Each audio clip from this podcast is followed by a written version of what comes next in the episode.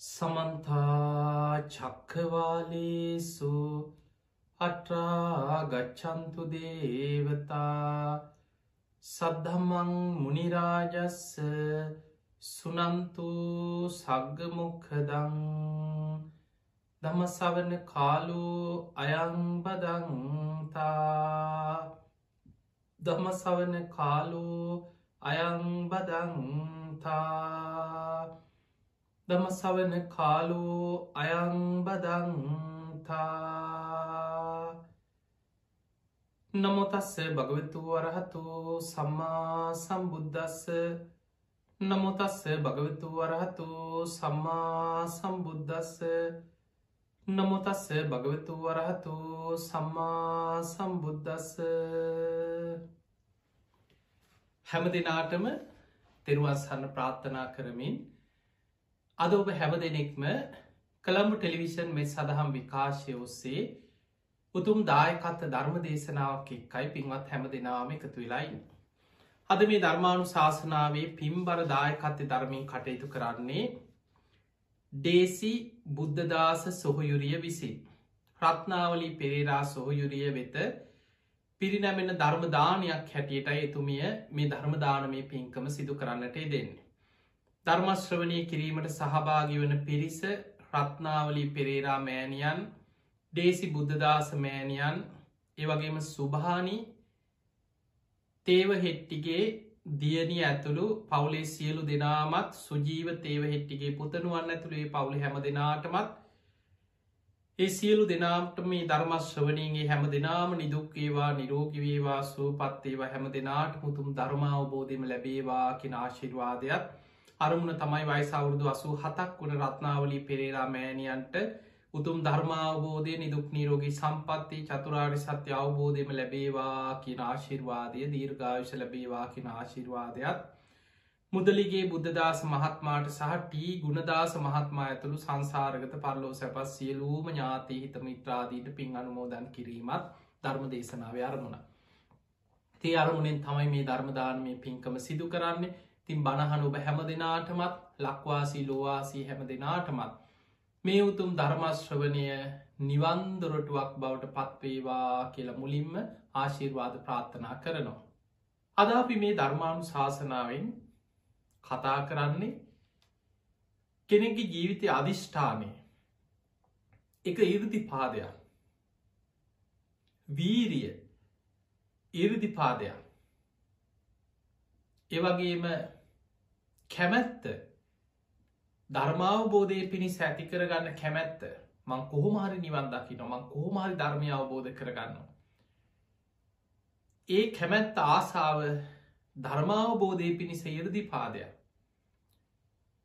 ඒ වගේමයි කෙනෙක් තුළ ඇතිකරගත යුතු යෝනිසෝ මනසිකාරයේ නුවනින් විමසීමේ දක්ෂතාව ඉරදිපාදයක්. මෙන්න මේ සතර ඉරදිපාද ධර්මයන් දියුණු කරගන්න කෙනෙක්. ජීවිතය අකුසල් කරදර විපත් මේ උපද්‍රව මේ සියල්ල යටපත් කරගෙන කුසල් බලවත් කරගෙන කොහොමද තමන්ගේ ජීවිතය අරමුණ කරාරගෙන යන්න? කෙනෙගේ ජීවිතය තුළ ඇතිවන ප්‍රශ්න ගැටලු විපත් කොහොම දෙයා වීරිය ජයගන්නේ? වෙන්න තියෙන දේ පවා වීරියවන්ත කෙනාට වලක් වන්න පුළුවන්. එනිසා පිංහතුනේ බුදුරජාණන් වහන්සේ වීරියම යගේ කරන්න. ඔබ දන්නවා අපේ බුදුරජාණන් වහන්සේ. උන්වහන්සේ තරම් අප්‍රමාදී භාවය මේ ලෝකෙට දේශනා කරපු වෙනත් ගුරුවරෙක් වෙනස් ශාස්ෘුවරෙක් මේ ලෝකෙ මේ විශ්වේ නෑ. බුදුරජාණන් වහන්සේ අවස්ථාවක එක ස්වාමීන් වහන්සේ නමක් අනාගාමී පලට පත්වෙලා. උන්වහන්සේ කල්පනා කරා මම කොහොමත් දැන් කාමලෝකෙන් මිදිච්ච කෙනෙ. සුද්ධවාස බඹලව ඉපදිලා එහෙදි පිරිනිවන් පානු. අනාගාමී කියන්නේ න ආගාමි ආයමත් කාමලෝකෙටේ නෑ කියෙන අදහස. අනාගාමී වෙච්ච කෙනෙක් ඊළඟට උපදින්නේ සුද්ධවාස කියන බ්‍රහ්ම ලෝකෙ. ඒ බඹලව ඉපදිලා එහෙම පිරිනිවන් පානවා. ආයිදිවිය ලෝකෙවත් මනුස්ස ලෝකෙවත් මේ කාම ලෝක පැත්තට එන්නේ ති මේ ස්වාමීන් වහන්ස කල්පනා කරා මං බබලව ගිහින් පිරිනිවන් පානවා කියලා. වීරි අතහැරිය මේ ජීවිතේ රහත්තෙන්ට පුළුවන්කම තියෙද්දි අනාගාමි වුණට පස්සේ උන්වහන්සේ වීරි අතහැරිය. එවෙලේ බුදුරජාණන් වහන්සේ මේ ස්වාමීන් වහන්සේට තාම වැදගත් අවවාදයක් කරා. භික්‍ෂුව අසූචී ගොඩක් තිබ්බත් ගදයි චුට්ටක් තිබ්බත් ගදයි. ගදේ වෙනසක් නෑ. අන්නේ වගේ තමයි යළි ඉපදීම දුකයි කියපු බුදුරජාණන් වහන්සේ තව එක ඉපදීමක්කත් වර්ණා කරන්න කිව්. කෙලෙස් ගොඩක් තිබ්බත් චුට්ටක් ඉතුරු කරගෙන හිටියත් ඒක දුකක්ම තමයි. ඉපදීම කියන්නේ දුකක්මයි. ඒ නිසා මේ ජීවිතේම ධර්මය අවබෝධ කරගෙන පිරිනිවන් පාන වීරිය වඩන්න කියෝ. එතනති ඔබ මම සරණ ගිය අපේ බුදුරජාණන් වහන්සේ සිංහනාදයක් වගේ බොහෝම ලස්සන ප්‍රකාශයක් කර. මහනෙන යම් රාත්‍රියක බුදුරජාණන් වහන්සේ සියලු කෙලෙසුම් ප්‍රහාණය කළ සම්මා සම්බුද්ධත්වයට පත්වෙනවද. යම් රාත්‍රියක සම්බුදු කෘත්‍ය අවසන් කරලා පිරිනිවන් පානවාද. ඒ අතර කාලය තුළ ඒඇන සම්බුද්ධත්වයට පත්වෙලා වැඩඉන්න කාලය තුළ ඇසිපිය හෙලන මොහොතක්වත් යළි ඉපදීපද යන සංසාර ගමන වරුණා කරන්නේ කියෝ.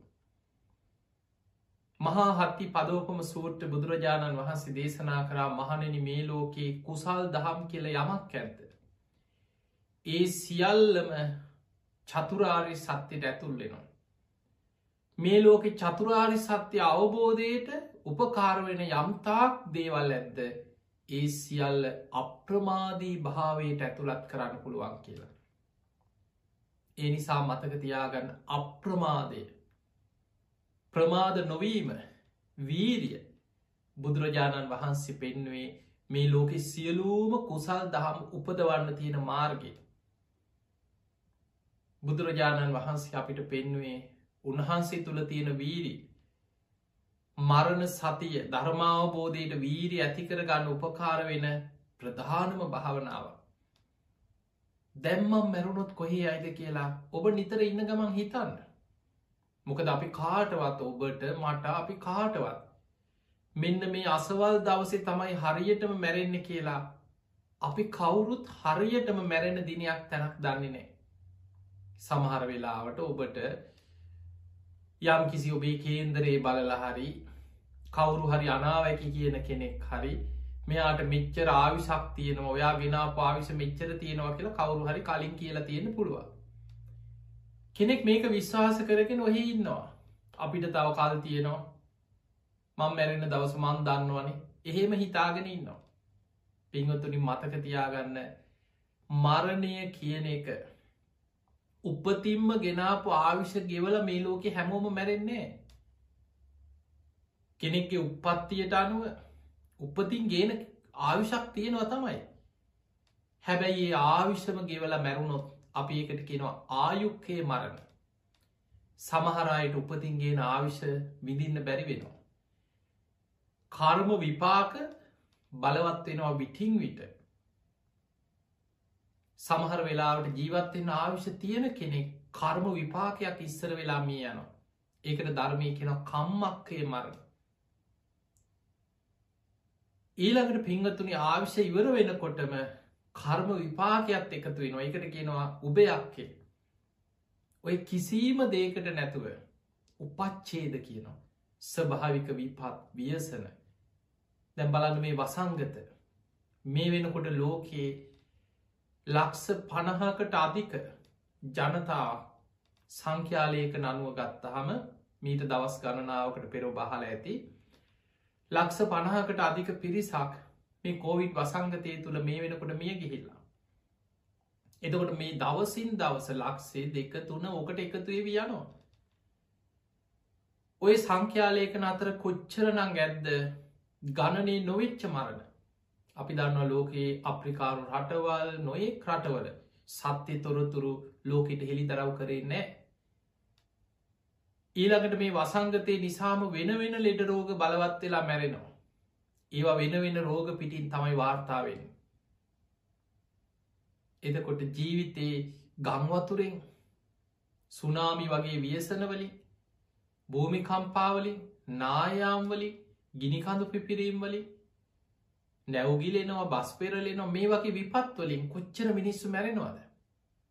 මරණය කියන එක අපි කාටවත් මේ හොදට ඉන්න මනුස්්‍යයා ටික වෙලාවකින් වාඩි වෙලා හිටපු පුටුවෙන් පණගිහිල්ලා නිදාගන්නේ දාහක් ප්‍රාර්ථන ඇත උදේ පාන්දර මට අර වැඩේ තියෙනවා මේ වැඩේ තියෙනවා. හිට දවසම වැඩ ගොඩක් තියනවා කියලා නිදාගන්න. උදේ බලන්නකට ඇදේ පණගිහිල්ල ජීවිතයේ කවදක් කොත්තන කොයි මොහොතේ මොන විදියට හුස්මටිකයයිද අපි කවුරුත් දන්නේ ඒ නිසා මරණය ගැන ඔබ හිතන්න මරණ සතිය වඩන්න. බුදු හාදුරු පෙන්නුවේ ඉහලට ගත්ත හුස්ම ටික පහලට හෙලන්න පෙර පණයන්න පුළුවන්. මේ කටට ගත්ත බට්ටික ගිලගන්න කලින් පණයන්න පුළුවන්. පය පැකිලිලා වැටිලා දවස උදේ ඉඳං හිතන්න අද දවස පටන්ගත්ත වෙලා ඉඳක් කී අවස්ථාවක කොච්චරනම් මං මරණින් බේරි බේරිද මේ දවස ගෙවන්න? ඔබ පාරය ඇවිදගෙන යනවා කියන ඉස්සරහිනුත් මරණය පිටි පස්සෙනුත් මරණ ඉස්සරහින් ඇවිල ඔබෝ හපගෙන යන්නත් පුළුව පිටි පස්සිං ඇවිල හපගෙන යන්නත් පුළුව මේ ජීවිතයේ ගෙවෙන හැම දවසක්ම හැමරයක් දවාලක්ම මරණින් බේරි බේරී අපි මරණයට ලංවෙවී යනවා ඉස්සරහට.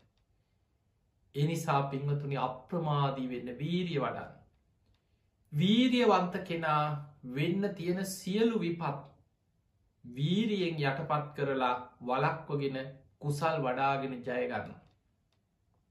පිහතුනේ අපේ බෝසතාණන් වහන්සේගේ බොහොම ලස්සන සිදුවීමක් තියෙනවා උන්වහන්සේ එක කාලෙක බොහෝ කාලෙකට පෙර පාරමී පුරාගෙනන කාලේ උන්වහන්සේක රාජ්‍යක රජකං කරන රජ කෙනෙ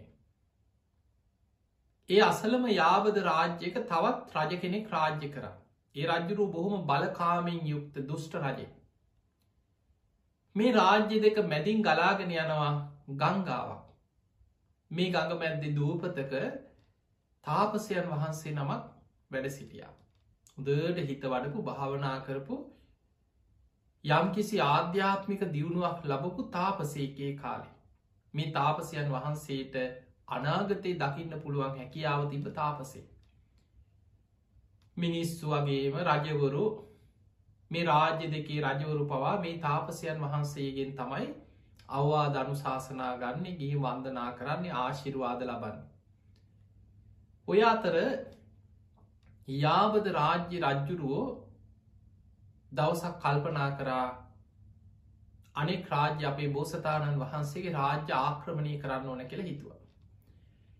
හිතල සේනාව සංවිධානය කරලා සන්දේශයක් ඇරිය දූතයෙක් අතේ අසවල් දවසේ මම සැලසුම් කරන ඔබේ රාජ්‍ය ආක්‍රමණය කරන්න. යුද්ධකට සූදානන් වෙන්න කියලා කලින් පණවිඩේ ඇරිය. එතකොට අපිට පේනවා ඉස්සර යුද්ධයක් කරත් හිටි ගමන් ප්‍රහාර එල්ල කරන්නේ. ඒවෑ යම් රජවරු අතරත් යම් කිසි යුද්ධයක ආචාර ධර්ම කියල දෙයක් තිබිලා තියෙන. කලින් දැනුම් දෙනවා. මෙන්න මේ කාලෙ මං යුද්ධයක් සිදු කරනවා ඒකට සූදානන් වෙන්. මම සූදානන් වෙනවා කියලා පණවිඩයක් ඇරිය. අපේ බෝසතාණන් වහන්සේට මේ පණවිඩේ ලැබුණ උන්වහන්සේ යුද්ධයට කැමති කෙනෙක් නෙමේ මෛත්‍රිය වඩන කෙනෙක් සසරේ. මෛත්‍රිය පාරමිතාවක් උපපාරමිතාවක් හැටියට සසර වඩනවා. ගුණධර්ම වඩනවා. අතහැරීම පුරුදු කරනවා වීරිය වඩනවා. නමුත් රජ කෙනෙක් හැටියට තමන්ගේ රටවැසියන්ගේ ආරක්ෂාව වෙනුවෙන් අකමැත්තෙන් වුණත් තමන්ගේ රාජ්‍යයට ප්‍රහාරයක් එල්ල වෙනකොට තමන්ගේ රටවැසියන්ගේ ආරක්ෂාව වෙනුවෙන් යුද්ධයක් කරන්න සිද්ධ වෙන බෝසතාණන් වහන්සේට එදා අකමැත්තෙන් වුණත් මේ යුද්ධයට සූදානන් වෙන්න වුණා මේ පණවිඩ එවන්න කලින් අර අනෙක් රාජ්‍ය රජ්ජුරුවෝ තාපසයන් වහන්සේ මුණ ගැහෙන්න ගියා. ගිහිල්ල කිව්ව තාපසයන් වහන්ස පුද පූජාවල් දීල වැඳල කිව්වා මගේ අදහසත් තියෙනවා යාබද රාජ්‍ය ආක්‍රමණය කරන්න. මං මෙන්න මේ කාලි යුද්ධයක් සැලසුම් කරනවා. මේ යුද්ධෙ මං දිනයිද පරදීද කියලා ඇහෝ. තාපසයන් වහන්සේ කාගෙවත් පැත්තක් ගන්න පක්ෂපාතීත්වයක් දක්වන කෙනෙක් නෙමෙයි. මේ තාපසය භාවනා කරලා අනාගතයේ දිහා තමන් දකින දේ බැලුවා. යුද්ධ දිහා. බලලකිව්වා රජතුමනී ඔබ දිනනවා. ඔබේ සේනාව බොහොම බලවත්. ඒ නිසා මේ යුද්ධෙන් ඔබ දිනනවා කියව ඒ තමන් දැකපුදේ වෙන්න තිබ්බදේ ඒ නිසා බොහොම සතුටෙන් ගිහිල සේනා සංවිධානය කළ යුද ප්‍රකාශ කරලා සන්දේශය ඇරී. ද මේක ලැබුණට පස්සේ අපේ බෝසතාණන් වහන්සේ මේ තාපසයන් වහන්සේ මුණ ගැහෙන්න මේ දූපතට පැමිණිය. ඇවිල්ල බෝසතාණන් වහන්සේ මේ තාපසයන් වහන්සේට වන්දනා කරලා ගෞරව දක්වල පුද පූජාවල් පිළිගන්නල ඇහුවා කියා හිටිය තාපසයන් වහන්සේ යාබද රාජ්‍ය රජ්ජිරුවෝ මට විරුද්ධව යුද්ධ ප්‍රකාශ කරලා තියෙනවා. මම යුද්ධයට කැමතිනේ නමුත් අකමැත්තෙන් වුනත් මගේ රටවැසියන්ගේ ආරක්ෂාව වෙනුවෙන් මටත් මේ යුද්ධයට සූදානන් වෙන්න වෙනවා.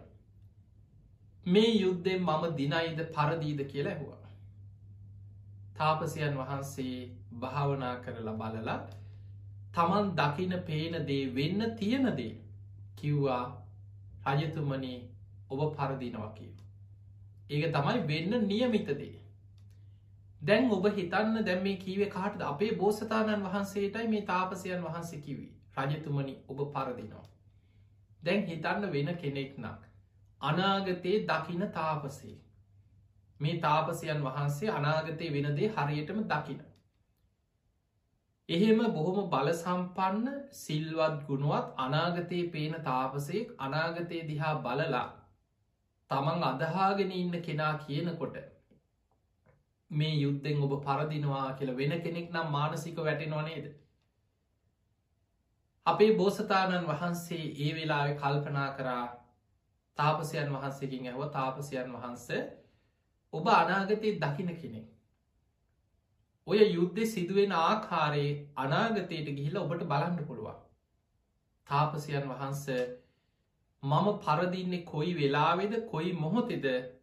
අනෙක් රජ්ජුරුව දිනන්නේ කොයි විදිහටද කියලා ඔබ භාවනාවෙන් බලලා මට චුට්ටක් කියන්න කියව. තාපසයන් වහන්සේ භාවනා කරලා බලලා තමන් දිවසින් දකිනදේ අපේ බෝසතාණන් වහන්සේට කිව්වා. රජතුමනී ඔබ දෙදෙන අතර අසවල් දවස මේ විදිහට යුද්ධ ආරම්භ වෙනවා. මෙන්න මේ විදිහට යුද්ධ සිදුවෙනවා. ඔය යුද්ධෙ තීරනාත්මක මොහොතක් එෙනවා. ඒ තීරනාත්මක මොහොතේ ඔබ දෙදෙන අතර මේ විදිහට යුද්ධෙදී ඔබේ සතුරු රජ්ජුරුවන්ගේ අනික් රජ්ජුරුවන්ගේ සේනාව බොහොම බලවත්ත ඔබේ සේනාව පරාජයට පත් කරන වෙලාවක් එනවා. ඒ වෙලාව අපේ බෝසතාණන් වහන්සේ අහනවා තාපසතුමනි මේ යුද්ධෙදි අපිට නොපෙනෙන දේවල් දෙවියන් අතරත් මේකට සම්බන්ධයක් තියෙනවද. අන්න එතකොට තාපසයන් වහන්සේ කියනවා රජතුමනී ඔබ දෙදෙනගේම ඉෂ්ට දේවතාවරු දිවිය පිරිස අහසේ මේ වගේම යුද්ධයක් කෙරෙනවා. ඔබේ ඉෂ්ට දේවතාව සුදු උෂභයෙක් වගේ වෙස් වලාගෙන අහස යුද්ධ කරනවා. අනෙක් රජ්ජුරුවන්ගේ ඉෂ්ට දේවතාව කලු උෂභයෙක් වගේ වෙස්වලාගෙන අහස යුද්ධ කරන. මනුස්ස ලෝකෙ මේ යුද්ධය ඇතිවෙනකොටම ඒ ඒ අයට හිතයිශී දේවතාවරු අහසි යුද්ධ කරනවා ඒ වගේ එක පේන්නේ මනුස්සයන්ට. හැබැයි මේ දෙන්නගේ ඉෂ්ට දේවතාවරු දෙන්න අහසේ සටන් කරනවා. ඒ වෙලාවේ ඔබේ ඉෂ්ට දේවතාව පරදිනකොට ඔබ ඇතුළු ඔබේ සේනාව පරදිනවා කියව අපේ බෝසතාණන් වහන්සේ බොහෝම බුද්ධිමත් කොච්චර ඥානවන්තද. තාපසයන් වහන්සේගෙන් අහනවා තාපසයන් වහන්ස මේ යුද්ධෙ සිද්ධ වෙන තීරණාත්මක මොහොතේ. මේ අහසේ දෙවිවරු අතර සිද්ධ වෙන මේ යුද්ධේ. මේ ෂ්ට දේවතාවරු අතර අහසේ සිද්ධ වෙන යුද්ධේ කාටවත් පේනවද. මනුස්ස ලෝක කවුරුත් ඒක දකිනවද කියලැහු. ඒ වෙලාවෙ තාපසයන් වහන්සේ බලල කිව්වා රජතුමනි සාමාන්‍යයේ සේම්පතියන්ටවත් සාමාන්‍ය සේනාව කාටවත් ඒක පේන්නේ. හැබැයි යුද්ධ තීරණාත්මක වෙලා වෙදී. අහස දිහා බැලුවොත් ඔබට ඊළඟට ඔබේ ප්‍රධාන සෙම්පතියට ඔය දෙන්නට අහසිත් මේක දකින්න පුළුවන්. හැබැයි ඒක දකින්න පුළුවන් යුද්ධ තීරණාත්මක වෙලාවේ තමන් පරදින්න යන වෙලාවේ අහස දිහා බලපුවාම අහසි පෙනෙයි කළු උෂභයකුයි සුදු උෂභයකුයි අහසේ යුද්ධ කරගන්න. ඒ සුදූෂභයක් යන ඔබේ ඉෂ්ට දේවතාව. ඔහු පරදින්න යනකොට අහස දිහා බලනකොට ඔබට ඒකත් පෙනේ කියව. බෝසතාණන් වහන්සේ ඒ වෙලාවෙ කිව්වා මම දිනනවා කියව. මම ඒ කාන්තෙන් මේ යුද්ධ දිනනවා කියව. දිනනවා කියලා තාපසයන් වහන්සේට බොහෝම සතුටෙන් කිව්වා තාපසයන් වහන්සේට ස්තුති කරා මේ කාරණ අනාගතය වෙන දේවල් දිවසීම් බලල කීවට. අපේ බෝසතාණන් වහන්සේ ආපහු ගියා තමන්ගේ සෙම්පති ඇතුළු පිරිසට ගිහිල්ල යුද්ධයට සූදානන් වුණා. මේ යුද්ධට සූදානන් වෙලා නියමිත දවස යුද්ධ වෙලාවේ අපේ බෝසතාණන් වහන්සේ ඊතලයක් හදාගත්තා දියමන්ති තුඩක් යොදපු ඊතලයක් සකස් කරගත්තා. මේ ඊතලේ තුඩේ තියෙනෙ දියමන්තිය. මේ ඊතලේ වෙනම අරන්තියා ගත්තා. තියාගෙන තමන්ගේ ප්‍රධාන සෙම්පතියට කියව සෙම්පතිය මේ යුද්ධේ හෙට දවසද යුද්ධ දවස. කිව හෙට යුද්ධේ මෙන්න මේ අසවල් වෙලාවට ආරම්භ වෙනවා. මේ යුද්ධදි මෙන්න මේ විදිහට යුද්ධ සිද්ධ වෙන්න තාපසයන් වහන්සේ දැකලා මෙන්න මේ විදිහට කාරණය මට පැහැදිලි කර. මේ යුද්ධදී අපේ සේනාව පැරදීගෙන එනකොට තීරණාත්මක වෙලාවේ ඔබ අහස දිහා බලන්න. දැන් අහස දිහා බලන්න පුළුවන් වෙලාවක් නෙමේ යුද්ධ තීරණාත්මක වෙලාවේ. අවිආයුධවලින් යුද්ධ කරගන්නකොට සේනාවත් එක්ක හැබැයි ඒ අතරි ඔබ අහස දිහා බලන්න කියෝ. ඒ බලනකොට ඔබට පෙනේ කළු උෂභයකුයි සුදු උෂභයකුයි අහසේ පොරකණව යුද්ධ කරගන්න මේ දෙන්න අහසේ. ඒක දකින්නකොටම ඔබ මාව දැනුවත් කරන්න කිය ඔබ මාසලින් ඉන්න කියව යුද යුද පිරි සේනාවත් එක්ක. ඔබේ සැනින් මාව දැනුවත් කරන්න කියව. හොඳයි කියලා. දැයි යුද්ධ ගියා. යුද්ධ ආරම්භ වුණා. අර විදිහටම තීරණාත්මක විදිහට මේ යුද පෙරමුණ දෙකාතර බොහෝ විශාල යුද්ධයක් ඇති වෙලා ඒ යුද්ධ තීරණාත්මක වෙලාවෙ තමන්ගේ සේනාව පැරදීගෙන පැරදීගෙන ආපස්සට එනකොට. බෝසතාණන් වහන්සේගේ සේනාව පරදින්න මෙනකොට සෙම්පති අහස දිහා බැලු. බලනකොට දැක්ක අහසේ විශාල කළු භෂභයෙක් සුදු ෂභයෙක් අහසේ යුද්ධ කරගන්න. සුදු ෂභයාට කලූෂභය බොහොම ශක්තිමත් විදිහට පහර දෙනවා සුදූෂභය පරදින්නේ නවා. ඒ වෙලාවේ සෙම්පති අපේ බෝසතාණන් වහන්සේට දැනු දුන්නා රජතුමනි අහස දිහා බලන්නකිව අන්න අර කාරණය පේනවකිව අහසේ. බෝසතාණන් වහන්සේ වෙලාවේ දැඩි අධිෂ්ඨානයක් අරගෙන දියමන්ති තුඩයුදපු ඊතලය අරගෙන අහස්සට අර කලූෂභය ඉලක්ක කරලා හරියටම අහසේ කලූෂභයට විද්දා. ඒ ඊතලේ වැදුනා කලූෂභයා එහි මැදගෙන වැටුනා සුදූෂභය බලවත් වෙලා කලූෂභය වහසි පැරැද්දුව. මේ සිදුවීම වෙනවත් එක්කම නොසිතන විදිහට මේ රජ්ජුරුවන්ගේ සේනාව ශක්තිමත් ආයි නැගී සිටියා අරට අනිත් විරුද්ධ රජ්ජුරුවන්ගේ සේනාව එහෙම පරාජී වෙලා ආපස්සට පස්සෙන් පස්සට පැරදීගෙන පැරදීගෙන පසු බෑගෙන ගිහිල්ල ඔවුන් පැරදුන. අපේ බෝසතාණන් වහන්සේ යුද්ධ ජයගත්තා. එදකොට මෙන්න මේක ජාතක පොත් වහන්සේක මේ ඉතිහාසේන සිදුවීම. එතකොට බලන්න වෙන්න තිබ්බදේ තමයි අර තාපසයන් වහන්සේ බලල කියපුදේ. ඔහු අනාගතයේ පේන හිත දියුණු කරපු තාපසේ ඒක තමයි වෙන්න තිබ්බදේ.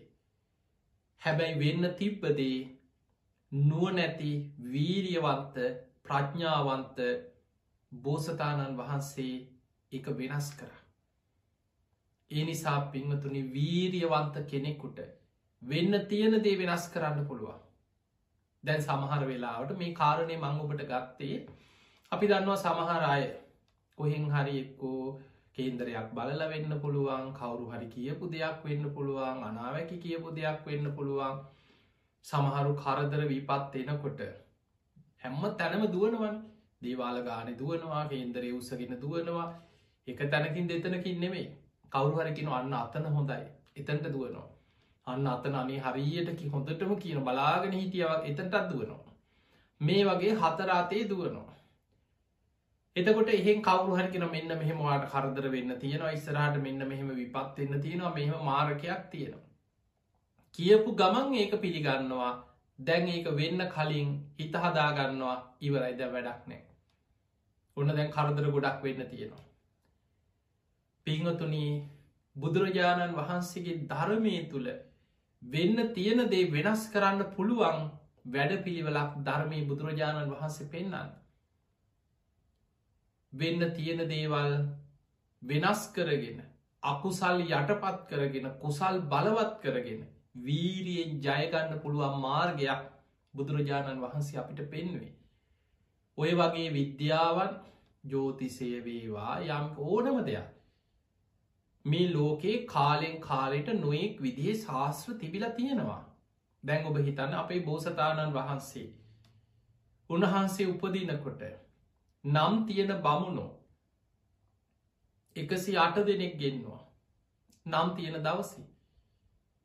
ඒ අතරේ බමුණෝ අංග ලක්ෂණ ශාස්ත්‍රය ගැන ඒ කාල තිබිල තින එක එක ශාස්ත්‍ර අංග ලක්ෂණ ශාස්ත්‍රය. මහාපුරුෂ ලක්ෂණ මේ අංග ලක්ෂණ පරීක්ෂා කරලා ඇගිලි දෙකක් උත්සල කිව මේ කෙනානං ඒ කාන්තේ. ගිහි ජීවිතයේ රැදුණු සක්විති රජෙක් වෙනවා. හැබැයි බැරිවෙලාවත් ගේ ජීවිතය අතහැරියොත් ඒ කාන්තෙල් ලෝතුරා බුද්ධත්වයට පත්වෙනවා. දැ මේ බොරුද ඒ තමයි අංගලක්ෂණ ශාස්ත්‍රයට අනුව ඔහු ගැන කියපු අනාවැකි අනාගතය ගැන. ඒ අතර කොන්නඥ කියන කෙනා මේ අංගලක්ෂණ ශාස්ත්‍රයේ පරතරට ඊටත් වඩා ඉතාම සියුම් දේවල් හොඳින් ග්‍රහණය කරගත්ත කෙනෙ. ඔහු උඩින් පල්ලෙන් බල ඇගිලි දෙකක් කිස්සුවේ නෑ හෝදට බැලුවා ඌර්ණ රෝම ධාතුන් වහන්සේ පිහිල්ලා තියෙන කොයි විදිහටද. පුංචි බෝසතාණන් වහන්සේගේ දක්ෂිනාරුතව කරකැවිච්ච ඌර්ණ රෝම ධාතුන් වහන්සේගේ කෙලවර ඉහලට හිටින විදිහට නතර වෙලාතියේ. එක ඇගිල්ලක් උත්සල කිව්වා මේ කෙනා ඒ කාන්තෙන් ගිහි ජීවිතය අතහරිනවා. ලෝතුරා සම්බුද්ධත්වයට පත්වෙනවා. ඊළඟට ඔබ හිතන්න ඊටත් කලින් අසිත තාපසයන් වහන්සේ ඇවිල්ලා බෝසතාණන් වහන්සේ ඉපදුනාට පස්සේ. වන්දනා කරා මහා පුරුෂ ලක්ෂණ දිහා බැලුව බලල මේ කෙනා ඒ කාන්තෙල් ලෝතුරා බුද්ධත්වයට පත්වෙන කෙනෙ මේ තාපසයන් වහන්සේ වන්දනා කරා. එහෙනම් අපිට පේනවා ඒ කාලෙත් අංගලක්ෂණ ශාස්ත්‍රයෙන් වේවා යම් කිසි අනාගතය ගැන අනාවැකි කියන්න පුළුවන් අයි හිටිය. බුදුරජාණන් වහන්සේගේ කාලේ ඔය වංගීස කියල සාමීන් වහන්සේ නමක් ගැන තියෙනවා. උන්වහන්සේ යම් කිසි මන්තරයක් දැනගෙන හිටිය කියනවා. එකන් පැවිදි වෙන්න කලින්. උන්වහන්සේ ළඟ තිබිල තියෙනවා. ඒ කාල පැවිදි වෙන්න කලින් ගිහි කාලේ මන්තරයක් තිබිල තිනේ මන්තරය කියලා මිනිියොලුවකට තට්ටු කරනවා. තට්ටු කරාට පස්සේ ඔහු ඉපදිච්ච තැන හරියට කියන්න පුළුවන්. මිනිස්සු මැරිච්චායගේ මිනිියොලු අරගෙන නවා මේ කෙනා ළඟට. ඇවිල්ලකිනවානේ මේ අපේ මැරිච්ච තාත්තා අපේ මැරිච්ච සීයගේ හිස් කබල.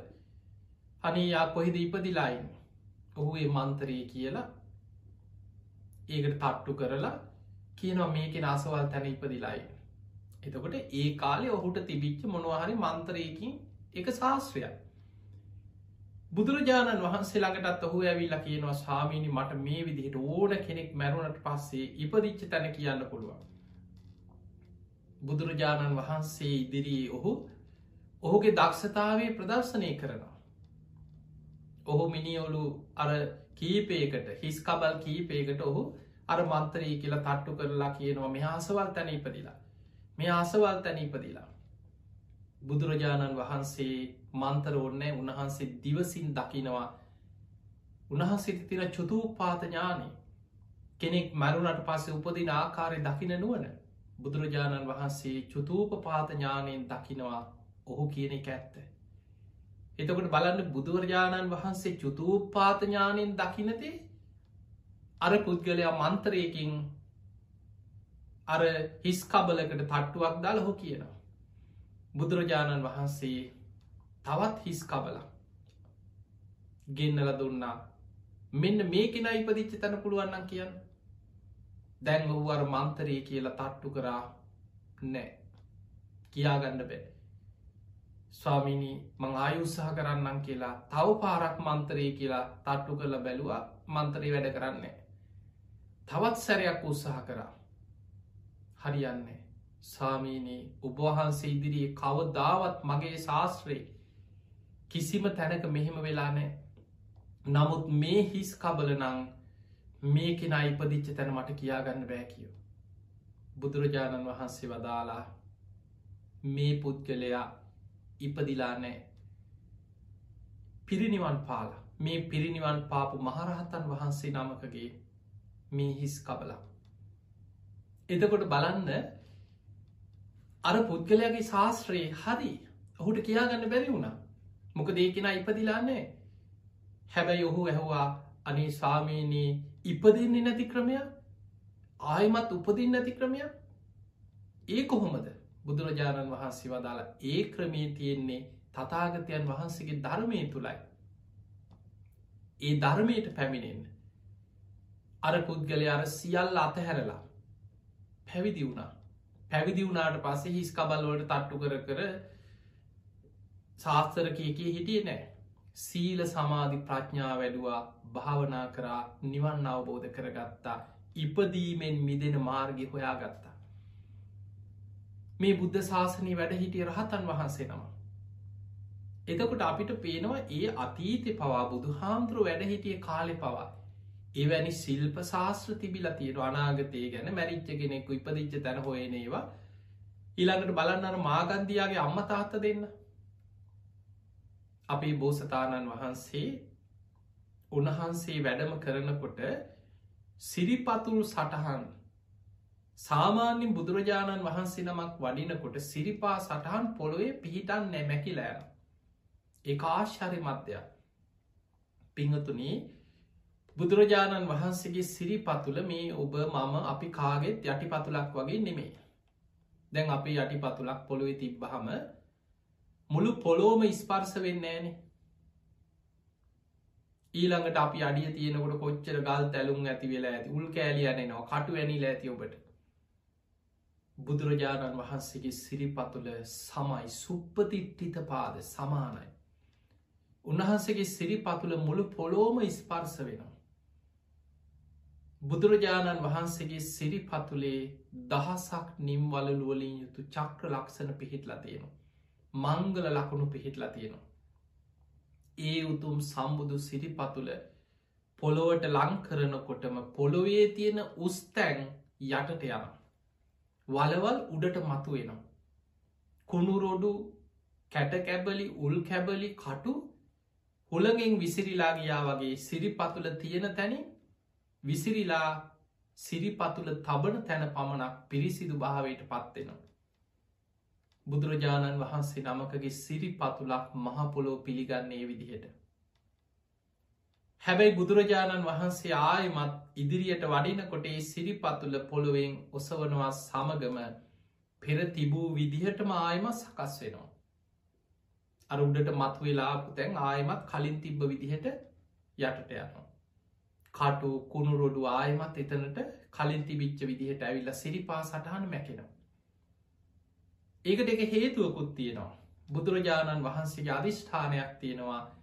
මේ මහපොලෝ මත ඇවිදගෙන යන අපා දෙපා සිව්පා බොහෝ පාඇති සත්වයන්ගේ කෙලෙස් සහිත සතුන්ගේ පා සටහන්.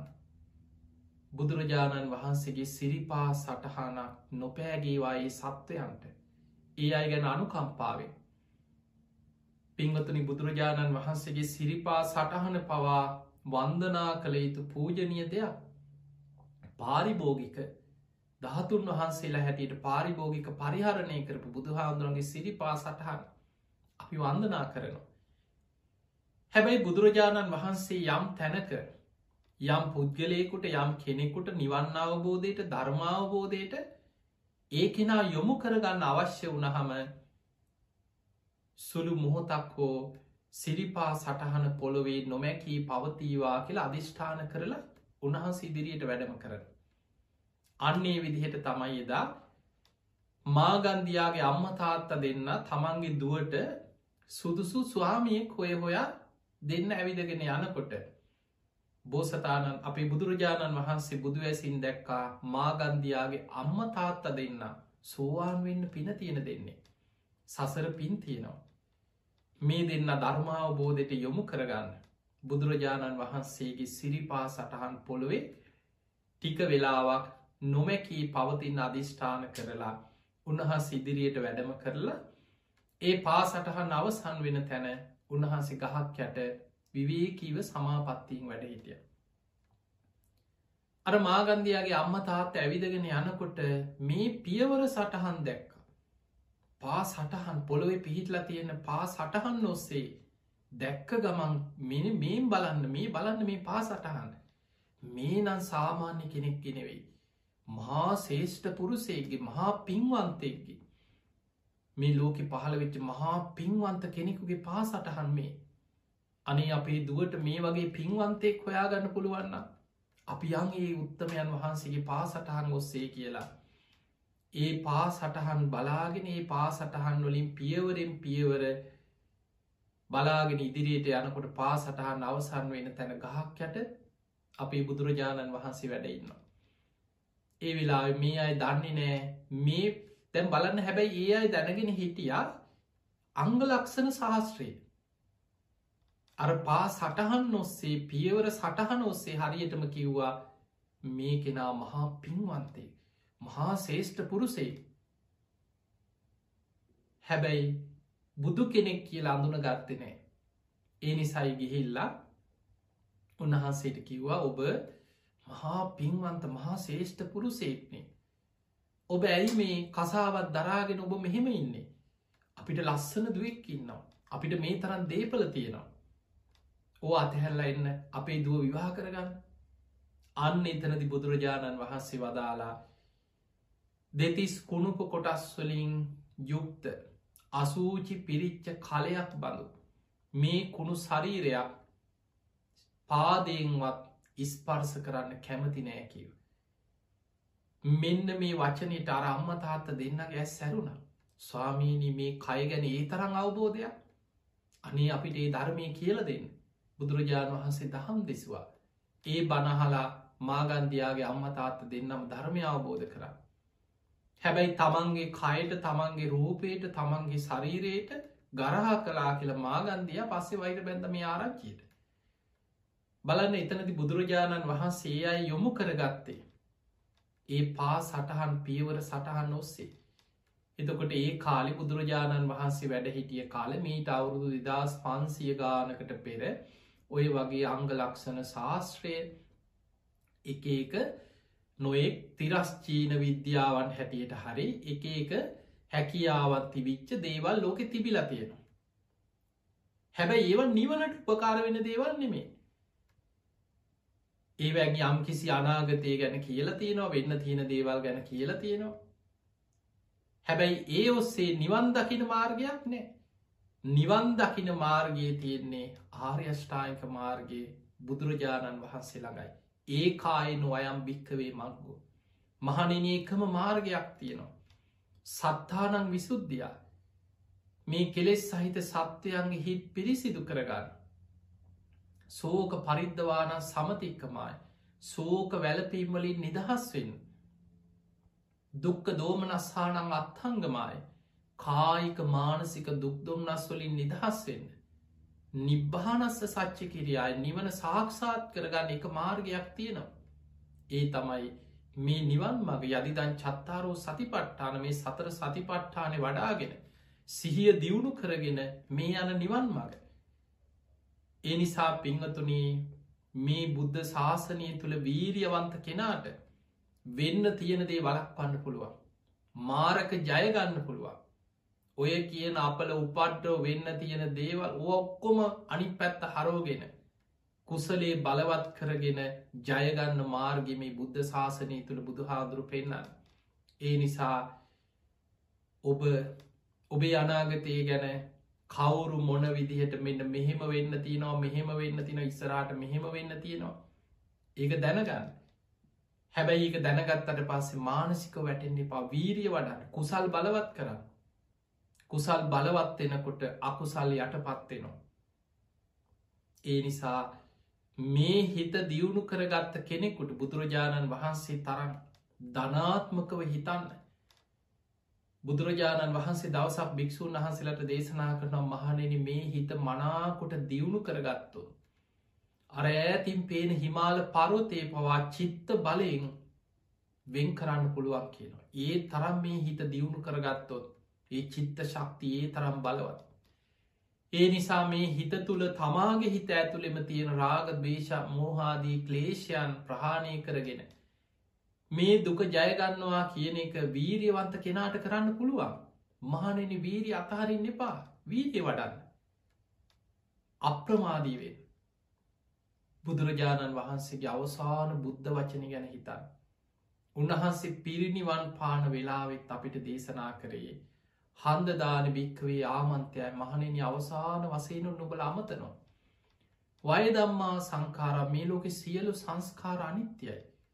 අප්‍රමාදයන සම්පාධීත අප්‍රමාදීව කුසල් වඩා වීරිය අප්‍රමාදී භාවේ අපි ධර්මය මේ වීරිය ගැන කතා කරනවා සතර සම්යක් ප්‍රධාන වීරිය ගැන. උපන්නාව අකුසල් ප්‍රහාණය කරන්න වීරිය ගන්න දැන් අපිට ඉපදිලා තියෙන අකුසල් තියෙනවා ඒව ප්‍රහාණය කරන්න වීරිය ගන්න ඕනේ නෝපන් අකුසල් තියෙනවා ඒවා නූපදවල යටපත් කරලම දාන්න වීරිය ගන්නට ඕන්. යම් මට්ටමින් හරි ඔබ උපදවාගත්ත පිනක් කුසලයක් තියෙනවනම් උපන්නා වූ කුසල් බලවත් කරන්න වීරිය ගන්න ඒව දියුණු කරන්න වීරිය ගන්න. නෝපන් කුසල් උපදවාගන්න වීරිය කරන්න. ඔබේ ජීවිතය තුළ ඔබට තාම හරියට පන්සිල් ටික රැකගන්න බැයින. අන්න නූපන් කුසල් ඒ කුසල් උපදවගන්න කොහොම හරි දිවිහිමියෙන් පන්සිල් රකින්න උත්සාහ කර. පෝයිට උපෝසත සීලයක් සමාදන්වේ. ගෙදර බුදුන් අදින්න තුන් සූත්‍රය කියන්න. ඒ පිරිත් කියනකොට ඒව අර්ථ විමසන්න. පිංහතුනි රතන සූත්‍රය බුදුගුණ දහම්ගුණ සඟගුණ ඇතුළ සත්‍යයක් ක්‍රියාව. ඒ දේශනාවෙන් ආශිර්වාද විතරක්ම නෙමේ. බුදුගුණ සිහිකිරීමෙන් බුද්ධානුස්සතිය භාවනාව. ධර්මය ගුණ සිහිකිරීම දම්මානුස්සතිය භාවනාව. සඟගුණ සිහිකිරීම සංගානුස්සතිය භාවනාව. ඊළඟට ඔබ හිතන්න කරණීමිත්ත සූත්‍රය. අපි ගෙවල්ලල කොච්චර කියනවද? ආච්චිල සීයලා කටපාඩමින් කියෝගෙන යනෝ බහල ඇති. හැබැයි සමහරු ගැහෝ තාචි මොනවදෝගේ තියෙන්නේ කියලා? ඔය කියපු සූත්‍රයේ ඔය පිරිතේ මොකක්ද තේරුම ඒක නම් දන්න ඇපුතේ කියයි බොහෝ දෙනෙක් බුදුගුණ නමේ තේරුම දන්න ඇති බෞද්ධයෝ ඉන්නවා. කරනීමිත සූත්‍රය පුරාම තියෙන්නේ ලෝක සත්‍යයාට මෛත්‍රිය වඩන හැටි. මනුස්්‍යයන්ට විතරක් නෙමේ සබ්බේ සත්තා සියලු සත්‍යයන්ට පෙනෙන නොපෙනෙන අහසේ පොළොවේ ජලයේ සිටින උද්දං අදෝච තිරියංච උඩ යට හාත් පස මේ සෑම දිසාවකම සියලු සත්‍යයන්ට සබ්බේ සත්තා බවන්ත සුකි තතයි සියලු සත්‍යයෝම සුවපත්තේවා කියලා මෛත්‍රියයි පතුරුවන්. දීගාවා දීර්ග සරීර ඇති සත්‍යයෝ. මහන්තාවා මහත සරීර ඇති සත්‍යයෝ. මජ්ජිමාවා මධ්‍යම් ප්‍රමාණ සරීර ඇති සත්‍යයෝ. රස්ස කුඩා සත්තු. අනුක ඇහැට නොපෙනෙන තරම් සියුම් සත්තු. දිට්ටාවායේ අධදිට්ටා දැකලා තියෙන සත්තු වගේම ජීවිතයට නොදැකපු සත්තු ඒ සෑම සතෙක්ම සබ්බේ සත්තා බවන්ත සුකි තත්වා. ඒ සියලුම සත්වයන්ට මෛත්‍රී වඩන. භාවනාවල් හිත වැඩෙන කුසල් වැඩෙන පිනාතර අග්‍රම පින මෛත්‍රිය. ඒ නිසා පිංහතුනේ නෝපන් කුසල් උපදවන්න. ඔබේ තියෙන කරදර අපල උපද්‍රව වෙන්න තියෙන දේවල් විපත් ඔය ඔක්කොම යටපත් කරගන්න පුළුවන් කුසල් බලවත් කිරීම. මෛත්‍රිය වඩන් හොදට පන්සිල් රකින්න. නිතර බුදුන් අදෙන් පිරිත් කියන්න. ඒ පිරිත්වල අර්ථ මෙනෙහි කරන්න. දවසකට බණක් දෙකක් අහන්න. ඒ හාන ධර්මය අර්ථ විමසන්න. තමන්ගේ ජීවිතයේ ඔන්න ඔය විදිහට කුසල් බලවත් කරමින් උපන්නාව කුසල් බලවත් කරමින් නෝපන් කුසල් උපදවනකොට අරක් අකුසල් උපන් අකුසල් නූපන් අකුසල් නූපදන විදිහටම යටපත් වෙලා යන උපන්නාව අකුසල් ප්‍රහණය වෙලා යන කුසල් බලවත්වෙනවා එතකොට අකුසල විපාක විපාක දෙන්න සූදානං වෙච් අකුසල් පවා යටපත් වෙලා යනවා. කුසල් බලවත් වෙනකොට ඒ නිසා කුසල් බලවත් කරලා අකුසල විපාක යටපත් කරගන්න පුළුවන්. පිංහතුනී වෙන්න තියෙන දේ වලක්කො ගන්න පුළුවන්. ඔබහල ඇති දීගායු කුමාරය ආයු වඩ්ඩන කුමාරය ගැන. ආයු වඩ්ඩන කුමාරයක් කියන්න පුංචි වයසි මාරකයක් තිබ්බා. ඒත් අනාගතයේ දකින තාපසේ තමන්ගේ ශාස්ත්‍රීට අනුව මේ ළමය පුංචි කාලෙම කිය මේ ළමය දවස් හතකින් මැරෙනවා. ඒ අම්ම තාත්ත දරුව වඩාගෙන අඩාගෙන දුවගෙනාව ජේත වනයට බුදුරජාණන් වහන්සේට මේ පුංචි පුතා වන්දනා කරා. බුදුරජාණන් වහන්සේත් ඒ කාරණී බුදු ඇසින් දැක්කා. මේ දරුවට ආවිෂනෑ දවස් හතකින් මේ දරුවා යක්ෂේක් ගොදුරු කරගන්න ඒ තමයි වෙන්න තිබ්බදේ. මාරකයක් කියන ජීවිත අනතුරක් කර්ම විපාකයක් බලවත් වෙලා පුංචි වයසෙම දරුවගේ ජීවිතය නැතිවෙන්න තිබ්බා. හැබැයි බුදුරජාණන් වහන්සේ ළඟ උත්තරී තියෙනවා. කර්ම විපාක ජයගන්න මඟ තියෙනවා. බුදුරජාණන් වහන්සේ උපදෙස් දුන්නා දින හතක් මේ දරුව තියාගෙන පිරිත් කියන්න එක දිගට.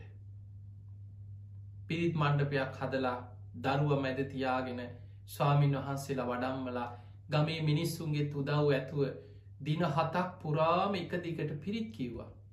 හත්වනි දවස බුදුරජාණන් වහන්සේත් වැඩම කළ පිරිත් අවසන් කරලා දෙවියන්ට පින්දුන්න. දරුව වඩාගෙන ඇවිල්ල බුදුරජාණන් වහන්සේට වන්දනා කෙරෙවා. අන්නේ වෙලේ බුදුරජාණන් වහන්සේ ආශීර්වාද කරා දීගායුකෝ භවන්ති. එදා දරුවට නම තිබ්බා ආයු වඩ්ඩන කුමාරය බුදුරජාණන් වහන්සේ වදාල දැම් මේ දරුවා අවුරුදු එකසිය විස්සක්ම ආවිෂ තියෙනවා ඒ මාර්කයේ ගෙවුණ කියලා.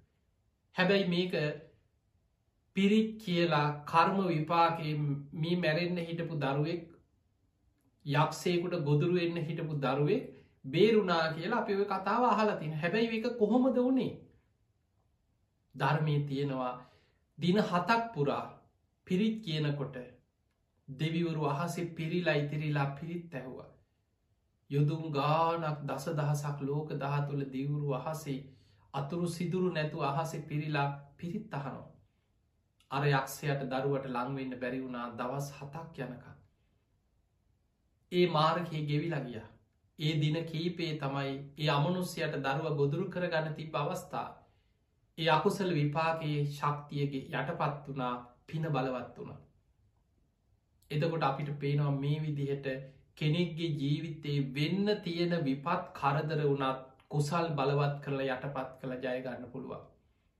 ඒ නිසා මාර්කවලට බයවෙන්න එපා අපල උපද්‍රවලට බයවෙන්න එපා මේ ධර්මය තියෙන ධර්මී හැසිරෙන්න හොඳට සිල් රකින්න හොඳට පින් කරන්න හොඳට බණ භාවනා කරන්න මෛත්‍රිය වඩන්න කුසල් බලවත් කරන්න තමන්ගේ ජීවිතයේ මෙලවත් ජයගෙන පරලවත් ධර්මය වඩාගෙන සුගතිගාමීව නිවන කරායන මාර්ගයට යාගන්න පුළුව තිය පිණිස ඔබ හැම දෙනාටම අද මේ ධර්මානු ශාසනාව ආශිර්වාදයක් වේවා පාරමිතාවක් වේවා නිවන් අවබෝධය පිණිස්සම ඔබ හැම දෙනාටම මේ දේශනාව ආශිර්වාදයක්ම වේවා වේවා වේවා කියලපි ආශිර්වාද කරනවා. ධර්මශ්‍රවනින් අපි රැස් කරගස් සියලු පින් සියලු දෙවියෝ සාධු කාරදිදී මේ පින් අනුමෝදන් වෙත්වා. ඒ දෙවියන්ගේ පිහිට රැකවරන ආශිර්වාදය ඔබ හැම දෙනාටම ලැබේවා ලැබේවා කියලපි ආශිර්වාද කරනවා.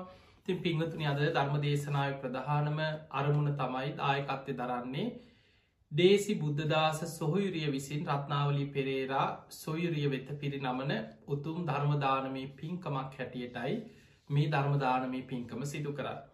ධර්මශ්‍රවනී කිරීමට සහභාගි වන පිරිස රත්නාවලි පෙරේරා මෑනියන් දේසි බුද්ධදාස මෑනියන් සුභානි තේව හෙට්ටිගේ දියනිය ඇතුළු පවුලි සියලු දෙනාම සුජීවතේව හිට්ටිගේ පුතනුවන් ඇතුළේ පවුලි හැම දෙනාටමත් ආශිර්වාද කිරීමත් ප්‍රධාන අරමුණ තමයි වයිසෞද්දු අසූ හතක් වන රත්නාවලි පෙරේරා මෑනියන්ට උතුම් ධර්මාවබෝධය නිදුක් නිරෝගී සම්පත්තිය දීර්ගාවිශ සැලසේවාකින් ආශිර්වාද ප්‍රාර්ථනාවෙන් මේ කල්්‍යාන මිට්‍ර පිරිස ඒ තමන්ට ආශිර්වාද පිණිස දානයන් අතර අග්‍රම දානය ධර්මදාන පින්කමක් තුළින් තමයි ආශිර්වාද කරන්නට ඒදුනේ ති මුදලිගේ බුද්ධදාස මහත්මා මිය පරලවගිය ටී ගුණදාස මහත්මා ඇතුළු සංසාරගත සියලු ඥාතිය මේ පින් සාධු කාරදිදි අනුමෝදන් වෙත්වා. ඒ අගේ පරලෝ ජීවිත සැපවත් ඒවා සුවපත් ඒවා සංසාර දුකින් අතමි දේවා කෙළේ අයටත් පින් අනුමෝදන් කරනවා.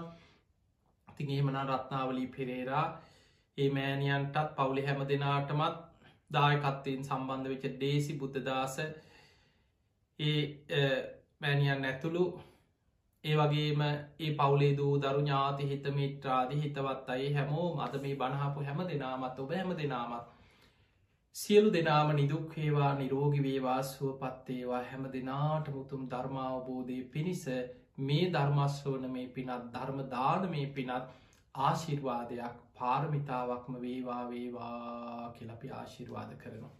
ආකා සට්හා චබුම්මට්හා දේවානාගා මහිද්දිකා පුඤ්ඥන්තං අනුමෝදිත්වා චිරන් රක්කන්තුලෝක ශාසනං ආකා සට්හා චබුම්මට්හා දේවානාගා මහිද්දිකා පුඤ්ඥන්තං අනුමෝදිත්වා චිරන් රක්කන්තු දේශනං ආකා සට්හා චබුම්මට්හා දේවානාගා මහිද්දිකා පුඤ්ඥන්තං අනුමෝදිත්වා චිරන් රක්කන්තුත්වං සදා හැම දෙනාටම සම්මා සම්බුදු සරණ